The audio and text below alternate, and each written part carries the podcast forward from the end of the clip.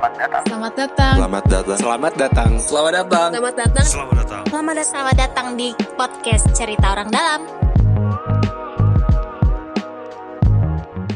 Yang jadi trending dalam beberapa hari ini dalam nggak ada apa? pembukaan dulu ini nggak ada opening. Nggak ada, langsung ada. kita langsung ini Kalau kalau versinya Pak Ade nggak boleh ada kita pembukaan. langsung menuju pada sasaran terlalu terlalu biasa. terlalu formal terlalu formal Gue sebagai pengisi di situ juga nggak tahu kita mau ngomong apa tiba-tiba langsung Ya, iya. hal-hal unik.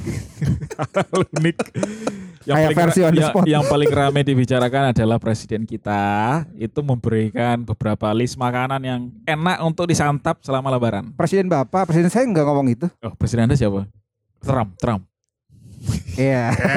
Nunggu berani ngomong Dia mah presiden yang lain Pak. belum tahu dia di sini ada bin yang Iya. mendengarkan pembicaraan kita Presiden 2024. Ada banyak makanan ya. Saya juga agak protes kenapa rendang tidak lagi dimasukkan sebagai rekomendasi karena udah terlalu mainstream kali ya. Bapak terlalu ini chauvinis Bapak. Chauvinis ya. pengennya Tapi rendang itu udah internationally recognized pak sebagai maka, salah satu makanan terlezat di dunia. Terus Tapi ada yang baru kali ini gue dengerin nama makanan ini nih. Eh, Bipang Ambawang. Apa tuh Pak? Bipang ini mungkin makanan favoritnya Ipang. Aduh. Penyanyi. Garing anjing. Aduh, bapak-bapak. Susah, Mungkin dia ini susah dia banget. genre musiknya No FX. Garing juga. Gak ada yang tahu deh FX ini apa kalian selera musiknya rendah sekali. bener bener bener bener. Ini Bipang Ambawang adalah makanan khas dari daerah mana Nobita? Dari Kalimantan Pak. Kalimantan. Kalimantan apa? B itu dua, pang itu aliran musik. Oh gitu ya. Iya. Ambawang berarti pakai bawang. Iya. Aduh. Itu baru masuk lagi. Eh, Jayus, Jayus Dari ini. Kalimantan mana ya? Sebentar. Nih, saya cek di Google, Pak. Di Pangambawang itu di Kalimantan Jalan. Trans Kalimantan nomor eh, kilometer 23. Iya, Wait, ya, itu perlu rumah perlu makan. spesifik toko bos. Sekalian sekalian promosi Kalimantan Barat, Pak. Komburaya. Nggak, di Pangambawang itu yang dimaksud adalah rumah makan atau jenis makanan. Dia saking terkenalnya rumah makannya yang sak- saking terkenalnya jadi tempat khas orang Kalimantan Barat buat buat kayak restoran terkenal lah di Oh, Kalimantan oke. Barat gitu. Jadi Dia bi- jenis bipang makanan Ambawang ya. ini adalah kuliner babi panggang ya. Ya, yang khas di Kalimantan Oh, Barat. Kuliner babi panggang. babi. Setelah Khas babi Kalimantan ngepet ada babi panggang. Iya. Tapi kenapa kenapa pada protes ya? Kan karena momennya adalah ini Pak, oleh-oleh lebaran Pak. Jadi itu Pak Jokowi di tanggal 5 bulan 5 itu sedang mempromosikan eh, kuliner-kuliner khas masing-masing daerah yang bisa Dibeli dijadikan oleh-oleh daring via daring via Via online. Oke. Untuk lebaran. Jadi belinya lewat online aja. Heeh.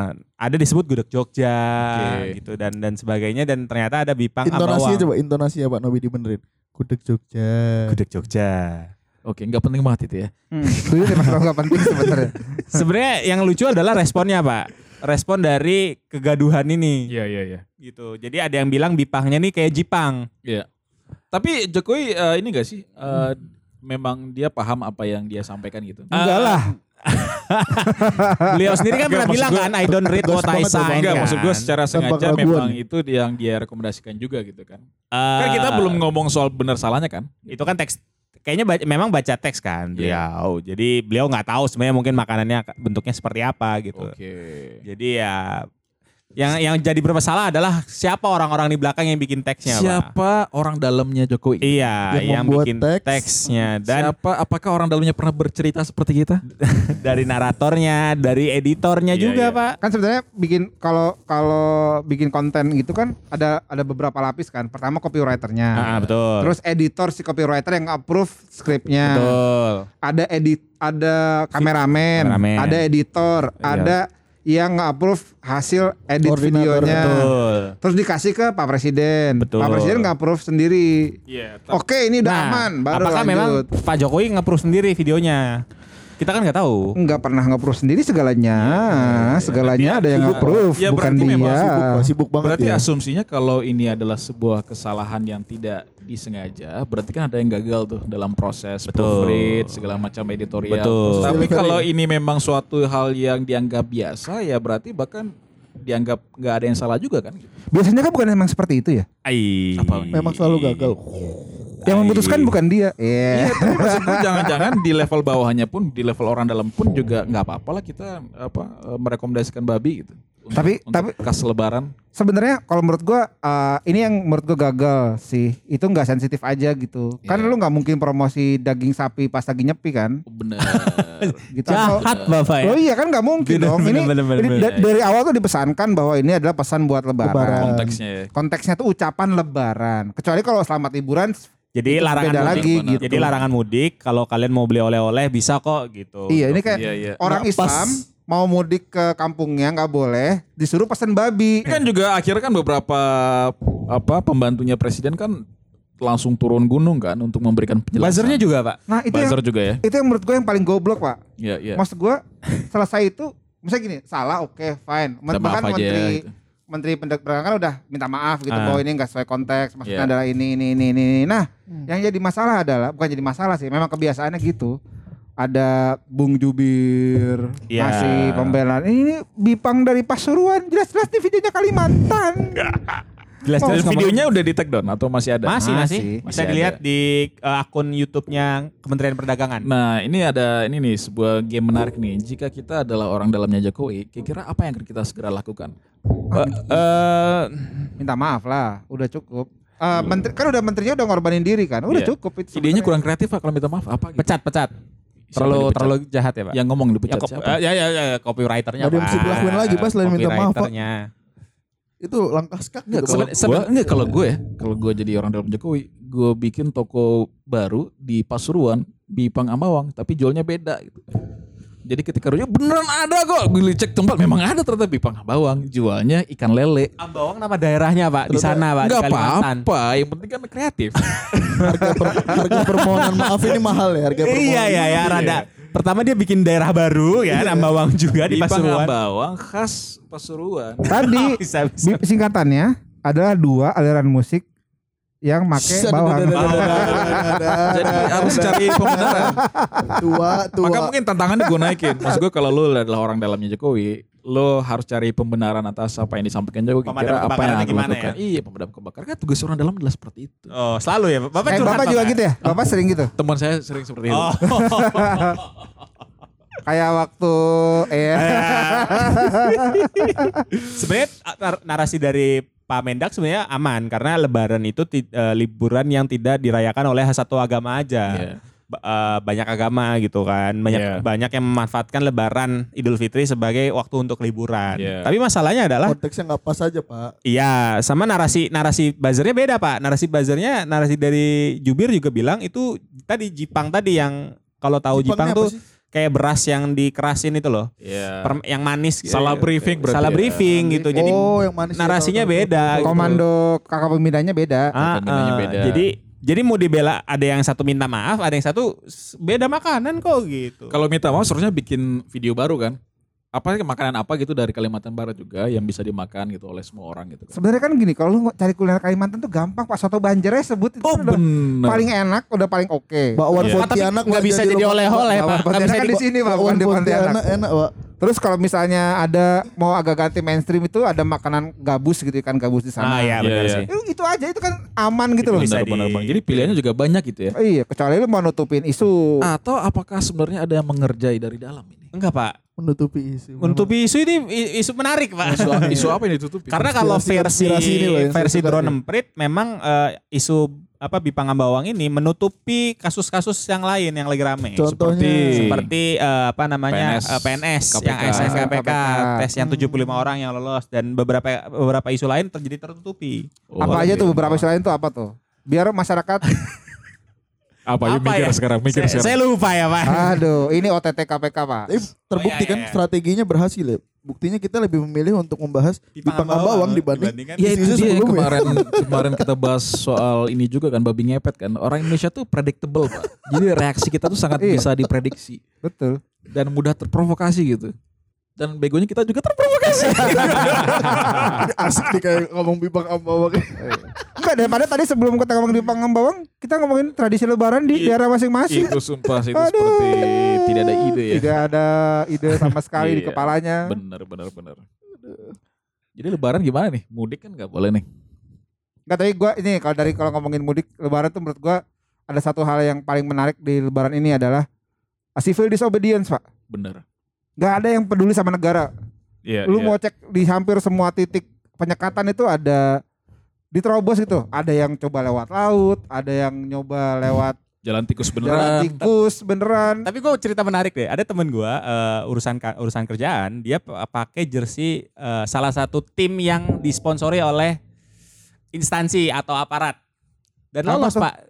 Bayangkara FC. Iya pak. Oh, oh di Lolos polisi pak. ya. Razia. Dikira polisi kali pak. Jadi dari Ja- dari dari Jakarta ke Bandung, Bandung Jakarta lolos pak. Karena pakai seragam. Pakai pakai seragam. Oknum ya, ini oknum ya. Orang dalam ya disangka orang, Orang dalam. dalam. Iya, Tapi juga menarik yang soal Angga tadi bilang civil disobedience. Karena mungkin kepatuhan tuh ada batasnya kali enggak ya? Ini kan Iya. udah dua tahun kan. Karena udah capek sih. Dua tahun. Lagi pula terus gini, terus pemerintahnya nggak pernah konsisten. Ya, gak Kayaknya- konsisten gimana? Nggak konsisten kan? Lu ngomongin kerumunan, yang satu dihukum, satu enggak. Iya, satu Ngomong- sampai di sidang gitu ya. Iya, ngomongin pilkada. Iya. 2020 pilkada diterusin, terus 2022 mau dicabut, dihapus gara-gara katanya masih pandemi. Kan itu nggak konsisten gitu mas Iya. gua. eh nih dalam yang paling dalam konteks mudik aja kita nggak boleh pulang kampung, tapi warga neg- eh, WNA China boleh masuk ke Indonesia karena mengerjain proyek strategis nasional. Iya. Dari itu aja udah nggak ada nggak ada sensitivitas. Jadi gimana lagi warga mau peduli gitu ya? Waduh. Pemerintah aja suka-suka dia, kita juga suka-suka kita Iya. lah gitu. Jadi ibaratnya adalah eh, kurangnya empati ya dari Hmm. penguasa terhadap rakyat gitu ya. Iya. Rakyat sudah mungkin udah bertahan selama ini baik-baik mempercayai penanganan ini kepada pemerintah, tapi ternyata responnya tidak seperti yang Iya. diharapkan gitu ya. Si malakama jadinya. Kalau lu- kan Bapak kalau mudik nggak bapak mudik? Hah? Bapak bapak bapak mudik nggak nanti? Saya mudik setelah aturannya dicabut Pak. Oh. Saya juga kayak gitu niatnya. Mungkin Ya karena maksud gue juga sebagai orang yang sedikit punya lebih informasi gitu ya terkait kondisi COVID memang aturannya wajar sebenarnya kan kenapa Hmm. mudik masih dilarang gitu tapi juga melihat respon di bawah itu kadang respon yang jadi masuk akal kan ya seperti tadi kita bilang reaksi orang Indonesia itu sangat predictable jadi begitu lo larang 2 tahun sementara dikasih izin sini berita ini berita itu segala macam Nikahan gede Nikahan ada nikahan segala itu juga jadi membuat sesuatu orang ya. jadi apa jadi mempertanyakan kan gitu walaupun secara institusional bacot merekomendasikan untuk tidak mudik gitu tidak, Tidak mudik. mudik ya, tetap Setelah di mudik saja. liburan ke Bali. tapi Wah, siapa itu? Siapa? Pada, wah, pada liburan semua. Saya nggak nggak ikutan saya Pak liburan. tapi memang fenomena mudik itu di rumah memang aja, Pak. ya gimana pak ya jadi gue baca berita ada seorang anak itu dia Ada eh, anak bertanya dari pada Jogja ke bapaknya. Gresik rela numpang bus ini pak apa bus sayur jadi dia nggak masuk ke bus ya? numpang sembunyi di dalam banyak Pak kasusnya Pak. Jadi semacam pengorbanan Ada yang jalan kaki tau nggak Pak? Dari Gombong sampai Iya. Bandung. Jadi Jalan kaki. Pak, apa kita ini s- Indonesia tuh memang kekeluargaan ya. Jadi apa sih? Gue sih nggak melulu Karena- gue lihat civil disobedience karena ya, karena mungkin faktor penarik itu lebih Ya, besar. karena- kan. karena faktor kan gini, kultural sih. Soalnya gini, yang juga menurut gua, yang menurut gua juga jadi rumit adalah kayak misalnya gua nggak tahu apakah DKI akan ngebuka Ragunan gitu ya. Karena lu jadinya boleh nengok Liburan. saudara lu dalam bentuk monyet, tapi lu nggak boleh nengok saudara lu dalam bentuk manusia gitu. Saudara evolusi maksudnya. Iya itu maksudnya. Iya, Tapi maksud iya, gua iya. itu kan juga itu kan juga jadi sebuah miskonsepsi gitu ya. Eh, Jadi lu, bilang lu boleh wisata- lu wisata boleh datang kampung, ke lu nonton binatang boleh, tapi ketemu keluarga lu nggak boleh. Padahal Iya. kan Ya Ini, binatang lu kan jalan- nyebar virus. Iya, tapi binatang kan maksud gini, gitu. lu jalan dari Jakarta ke Bandung dalam bubble lu mobil, Iya. ketemu orang tua lu, eh gak ke mana-mana kan juga nggak apa-apa Iya. gitu. Tapi mungkin ini sih dari dari sudut pandang resiko ibaratnya adalah eh, jika kena kasusnya jadi kan celakanya karena gini. Misal Dudit Dudit balik ke anggaplah ke NTT gitu. NTT baru kemudian seminggu udah langsung balik lagi Jakarta, nanti kemudian gejalanya baru timbul di Jakarta. Iya. gitu kan. Eh, atau justru sebaliknya di Jakarta udah dapat gejalanya timbul di NTT. Kalau dia dapatnya di Jakarta mungkin bisa ditangani nih cepat gitu kan Ya, fasilitas ada dan segala macam. Tapi begitu dia kenanya di NTT dan nyebar ke yang lain, yang kasihan ya NTT-nya gitu. Iya. Jadi memang kenapa logika personal itu nggak lagi relevan untuk kasus pandemi karena lu harus bawa empati lu tuh geser ke atas sedikit gitu. Nah. Nggak di level pribadi tapi di level eh, apa komunitas. Nah, masalahnya mempunyai empati di level komunitas itu juga membutuhkan Contoh. contoh teladan gitu kan di level yang lebih tinggi gitu kan negara. Nah, ya itu yang mungkin tapi, ada gap tapi soal misalkan itu. kalau ada yang usul eh, ya udah sama kayak ini aja sama kayak awal pembatasan mudik. Jadi antigen satu kali 24 jam. Nah, itu gimana? Kan udah, itu kan tetap Nah, iya. Pramudik ya. tetap tetap Ah, lu tetap harus bawa surat bebas Covid kan dalam dalam Dan hal surat ini. tugas gitu kan. Iya dalam hal ini SKM. lu ada PCR sama eh, Antigen. antigen. Nah, menurut gua kalau memang gini, kalau eh, tadi ngom- apa ada bilang bahwa harus eh, nggak usah ya udah larang aja semuanya gitu. Mas gua tolnya lu tutup, nggak boleh ada pesawat terbang, nggak boleh ada kapal laut jalan, jalan ditutup, udah orang nggak ke mana-mana. Terlalu tuh. banyak Iya kan, pengecualian jadi banyak bocornya gitu. iya kan kayak gini, lu mau disekat di tol Cikarang, lah kenapa nggak lu sekatnya dari pintu tol awal aja, jadi orang nggak sempat masuk ke tol Cikarang gitu. Iya. Tapi kan nanti luber ke jalan biasa pak. Ya kan lebih mudah kontrolnya, kecuali lu mau narik duit buat masuk tol dulu, itu beda lagi Luber urusan. di awal justru menurut gue tuh ngasih visual yang bagus pas sebagai peringatan gitu. Iya. Ini kan Dari orang jauh udah mikirnya, kelihatan oh lolos kok lolos ngasih kabar ke teman oh lolos lolos akhirnya numpuknya di ujung gitu. Padahal di awal mungkin bisa dicegat. Ini kan jadinya lu polisi harus nge-cover mobil eh motor di Kalimalang. Ya. Tapi harus juga nge-cover mobil di Cikarang. Eh, tutup aja semua. Maksudnya kalau emang lu tujuan lu adalah penanganan eh, pandemi gitu, mengontrol supaya nggak ke mana-mana ya dilarang sekalian. Kayak tahun kemarin gitu. Tahun kemarin itu kan dilarang semua. Hmm. Akhirnya yang keluar nggak bisa kan naik kereta nggak bisa, naik pesawat nggak bisa kan waktu kemarin tahun lalu gitu. Ya Sekarang apalagi juga vaksinasi di daerah-daerah lain juga masih sedikit Masih kan. rendah ya. Masih rendah gitu. Jadi apa resikonya bagi daerah ini seharusnya yang paling bersuara bersuara paling keras adalah daerah-daerah sebenarnya. Tapi kan Bukan butuh DKI. duit. Iya, jadi ya iya itu Iya, dia. tapi masalahnya benar sih bahwa kondisinya mau nggak mau eh, mereka juga nggak nggak berani ngelarang karena duit duit itu bisa berputar di Iya, daerahnya Tapi masing-masing. juga faktanya dari cerita-cerita anekdotal ya di surat kabar segala macam kayak tadi gue cerita anak lew pakai truk sam- Hmm. truk sayur. Ada yang nebeng ini pak truk motor pak. Dia cuma bawa 500 ribu. Jadi sebenarnya kalau dulu anggapan kita orang mudik karena ingin membagi cerita sukses segala macam, sekarang tuh udah gak gitu Nggak lagi. juga ya. Mereka yang mudik tuh saking rindunya. Gitu. pengen ketemu keluarga Pengen lah ketemunya gitu. Keluarga. Kadang yang- juga nggak bawa duit. apa pun. ada, ada juga yang kena PHK pak. Iya. Jadi resiko tuh malah eh, apa eh, eh, motivasi itu malah lebih prima lagi Pak, lebih personal lagi gitu. nggak cuma sekedar jalan-jalan uh, Iya. liburan gitu Ah. Sudah menempatkan Atau keluarga di nomor satu Bawa sekarang. ini Iya. macam. Benar. Ada yang bahkan nggak mudik nggak bawa apa-apa gitu kan supaya bisa ringkas jalannya gitu. Aduh, ini semoga ini ya, ini jadi lebaran terakhir di mana kita masih berhadapan dengan eh, dinamika Tapi- serba salah. tapi pertanyaan gue gini sih seberapa siap Vaskes Indonesia gitu uh, ketika kan ini pasti kasus udah pasti naik dong kan saya prediksi pasti naik nih kasusnya Iya. Uh, seberapa siap Vaskes kita buat nanganin uh, Kita tuh peningkatan se Indonesia se Indonesia. Well, Tapi kan mau nggak mau eh, kalau gua nggak tahu ya maksudnya kita fokus misalkan kita fokus di DKI ya karena mau nggak mau kan mereka akan balik lagi ya ke DKI. Nah DKI-nya juga siap nggak tuh? Jabodetabek lah minimal karena kan kebanyakan mau nggak mau. ini kita lagi ngomongin Indonesia loh ini kenapa jadi ngomongin DKI Enggak, aja maksudnya ini gue nam gua nambahin dikit ya. Ketika orang mudik pun kan tadi ya kata Mas Ade bilang nggak mungkin lama-lama di sana juga kecuali ya mungkin dua minggu atau tiga, lebih dari dua minggu ya jadi tanggung jawabnya daerah mereka gitu untuk untuk misalkan kalaupun sakit. Cuma ketika akhirnya balik kan paling mereka paling cuma sampai tanggal 16 juga udah balik gitu. Karena 17. tanggal 17 udah masuk. terus kalau terinfeksi kita 17 dirawatnya terakhir, di. Jakarta gitu. Iya, itu juga kasihan juga sebenarnya Jabodetabek tuh jadi kasihan sih sebenarnya kalau ngomongin Iya, apa kalau di Jakarta juga apalagi Jakarta kan, karena juga selama ini tanpa ada kasus mudik pun eh, sekian persen, mungkin 20 persen kasus itu adalah dari sekitar kawasan kan Jabodetabek gitu. Dan dengan adanya apa eh, mudik yang sebagian tetap dilakukan secara diam-diam gitu, Hmm. pasti akan ada kenaikan gitu. Hmm. eh tapi apa ya nggak bisa memprediksi ya tapi kalau dulu kan kenaikannya bisa sampai 20% persen segala macam eh terhadap kasus cuma kalau dilihat dari ICU okupansi dan stok obat sebenarnya sih bisa masih cukup ya Ah, oke. tapi justru yang dikhawatirkan itu adalah kasusnya kayak India ada mutasi virus baru Oke. yang nggak kita kenali masuk ya?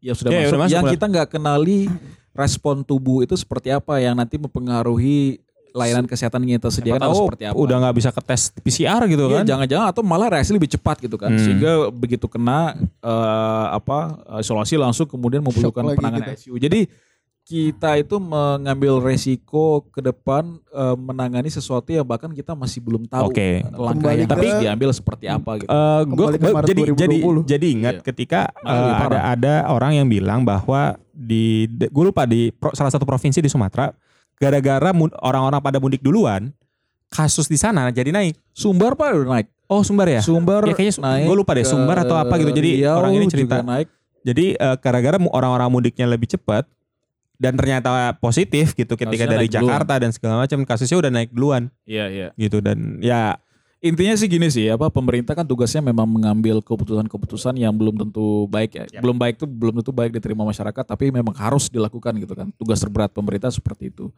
Tapi juga tugas terberat pemerintah lebih berat dari ngambil keputusan adalah menyiapkan infrastruktur komunikasi, Ya. pesan, kemudian segala tetek bengek yang jauh lebih rumit dari sekedar keputusan itu sendiri gitu kan. Dalam hal ini ya lebaran dilarang mudik gitu. Kalau misalnya mekanisme pembuatan surat izin tugas dari kantor itu kira-kira terlalu jauh nggak ya kalau eh, pemerintah juga ikut ngurusin itu karena eh, Tapi di- logikanya juga gini sih Pak, logikanya nggak mungkin kantor lo ngasih Lu mau ngapain tugas, tugas hari gitu. lebaran? Itu pasti maksud gue pasti kemungkinan besar untuk disalahgunakannya gede banget. Iya. kan. ya Iya. kalau dia pemimpin Justru perusahaannya sendiri ya tinggal bikin surat buat dirinya sendiri Iya. aja. Ya, Ya, itu maksud gua. Memvalidasi juga pasti repot. Apakah pertama kita punya data semua perusahaan segala macam yang langsung bisa dicek saat itu juga di lapangan gitu kan? Iya. Enggak. Dan dan ya akhirnya kalau gitu katanya ya. dilempar ke lurah ya. Iya. Di- Ini juga baca di Jakarta Post gitu kan untuk berita-berita orang yang udah mudik duluan. Ya akhirnya kadang bisa sampai lolos eh, dari apa eh, Bandung sampai ke Jawa Timur mudik sepanjang jalan banyak pos pemeriksaan karena juga masih kadang apa bribery disogok masih bisa. Iya. Iyalah. Iya. Dari itu kan udah maksudnya itu juga kalau bicara ngomongin budaya orang Indonesia ya, ya caranya Apa pun. gimana pun caranya supaya bisa lewat mau bayar mau enggak Tapi Iya. temen gue ya, gitu. temen gue di BUMN. Eh, jadi karena emang sekarang budaya kerjanya udah nyampur kan ya antara WFA dan WFO. Bahkan saat eh, aturan SE-nya yang sebelum mudik itu, itu malah karyawannya yang bisa di rumah ya udah, yang mau mudik silakan pulang aja sebelum tanggal 6 ini. Wah, ini Gitu. tuduhan ke BUMN ini. Loh bukan. BUMN. memang Aduh, memang kayak gitu waduh. ceritanya. Iya. Karena, karena Ya, itu memang, dia, karena karena sebelum tanggal 6 juga boleh kan memang. Iya, makanya karena dari segi aturan antigen doang. dari segi aturan dia nggak salah. Perusahaan Nggak juga salah, nggak salah. nggak salah. kan. Iya. Gak usah BUMN. Kita juga ada yang kayak gitu. Eh, salah satu podcaster kita nggak muncul-muncul lagi. iya. Tiba-tiba dia sudah di Banyuwangi. Ada yang dari Makassar juga kan? Masih sakit. itu dari lama Pak itu. Iya, dari iya, Makassar sakit Pak. dari setahun yang lalu, Pak. Sakit. Iya Pak. benar-benar. Ya kira-kira gitulah. ya begitu kira-kira eh, nggak jelas ini dari ngomongin Bipang Ambawang, kebijakan mudik. Eh, tapi eh, selamat menikmati hari liburan, Eh, selamat menikmati Liburan lebaran. Mana saja. Semoga puasanya beneran 30 hari sehingga memper- membersihkan dosa, Iya. dosa jangan puasa Dudit. bisa dilihat dari dan puasa Oki. fisik, puasa spiritual dan puasa virtual, Pak. Puasa virtual tuh Puasa virtual juga. Puasa virtual tuh puasa di sosial media aja. Oh, Oh, kayak, kayak saya kayak bapak suka lihat lihat Kayak bentar lagi model tiga jam lagi nih buka padahal siang Ayo udah teman-teman makan. semangat, ayo teman-teman sahur gitu. Waduh, itu kayak kenal gitu. siapa ya? Tapi intinya puasa itu adalah amal ibadah yang sangat personal ya. Iya. Kita nggak tahu Dudi tadi makan siang Iya. apa enggak Kita kan? juga nggak tahu rasa bapang ibu enak kecuali bapaknya. Memang urusan saya dengan Allah Subhanahu wa Soalnya eh, tapi menarik dari, dari oh, eh, balik lagi dikit ya sebelum ditutup dari pembicaraan Bipang Ambawang itu ya. Iya. Yang paling menarik adalah di Twitter. Di Twitter itu banyak orang yang bilang bahwa kok giliran ngomongin Bipang Ambawang pada protes. Itu banyak muslim-muslim yang makan babi tapi pamer di media sosial. Waduh. Untung teman kita nggak pamer di sosial media. Enggak menurut gua, menurut gua yang paling go, yang paling bo- bodoh adalah ngapain lu pamer di media sosial anjrit? Iya, makanya ini juga balik Biar dianggap bad boys Pak. Ya, Rebel, eh, rebel. Kalau enak mah dinikmati sendiri aja udah. Iya, iya, apalagi ditambah Tapi yang, emang yang enak ya? ngomong adalah Apa? Tapi emang enak. presiden. Lu kan udah pernah kan? Lu, lu, lu. Mancing Kapok kata- kemarin ngapain? Kata temen gue yang katanya nggak sengaja makan babi tapi terus-terusan enak. Oh gitu. kan kemarin Dudit ke Bok Enbir kan. Jadi Pok and beer di mana, Pak? Udahlah nanti semakin lama semakin banyak. Semakin banyak yang bocor. semakin. Iya, ada juga udah pernah kan, Dek? Enggak Nggak sengaja. Enggak sengaja. Iya, di Berlin ya. Es, bukan bukan. Satu lagi. Duit terakhir soalnya. Oke. Ya udah. Jangan lupa eh, apa? eh, tetap jaga protokol kesehatan. Ya buat yang mudik terutama Iya. kalau bisa tes Dan lagi ini lah. jadi puasa lebaran terakhir asalnya. Pak Angga ya di sini ya. Oh iya. Sebelum Pak Angga Nggak, masih bulan depan, Pak, masih lama. Ya lebaran terakhir bener. Iya benar lebaran, Lebaran terakhir. terakhir banget nih Bang Iya, tahun iya. depan. Tahun depan kita buka puasa di mana? Oke, bye.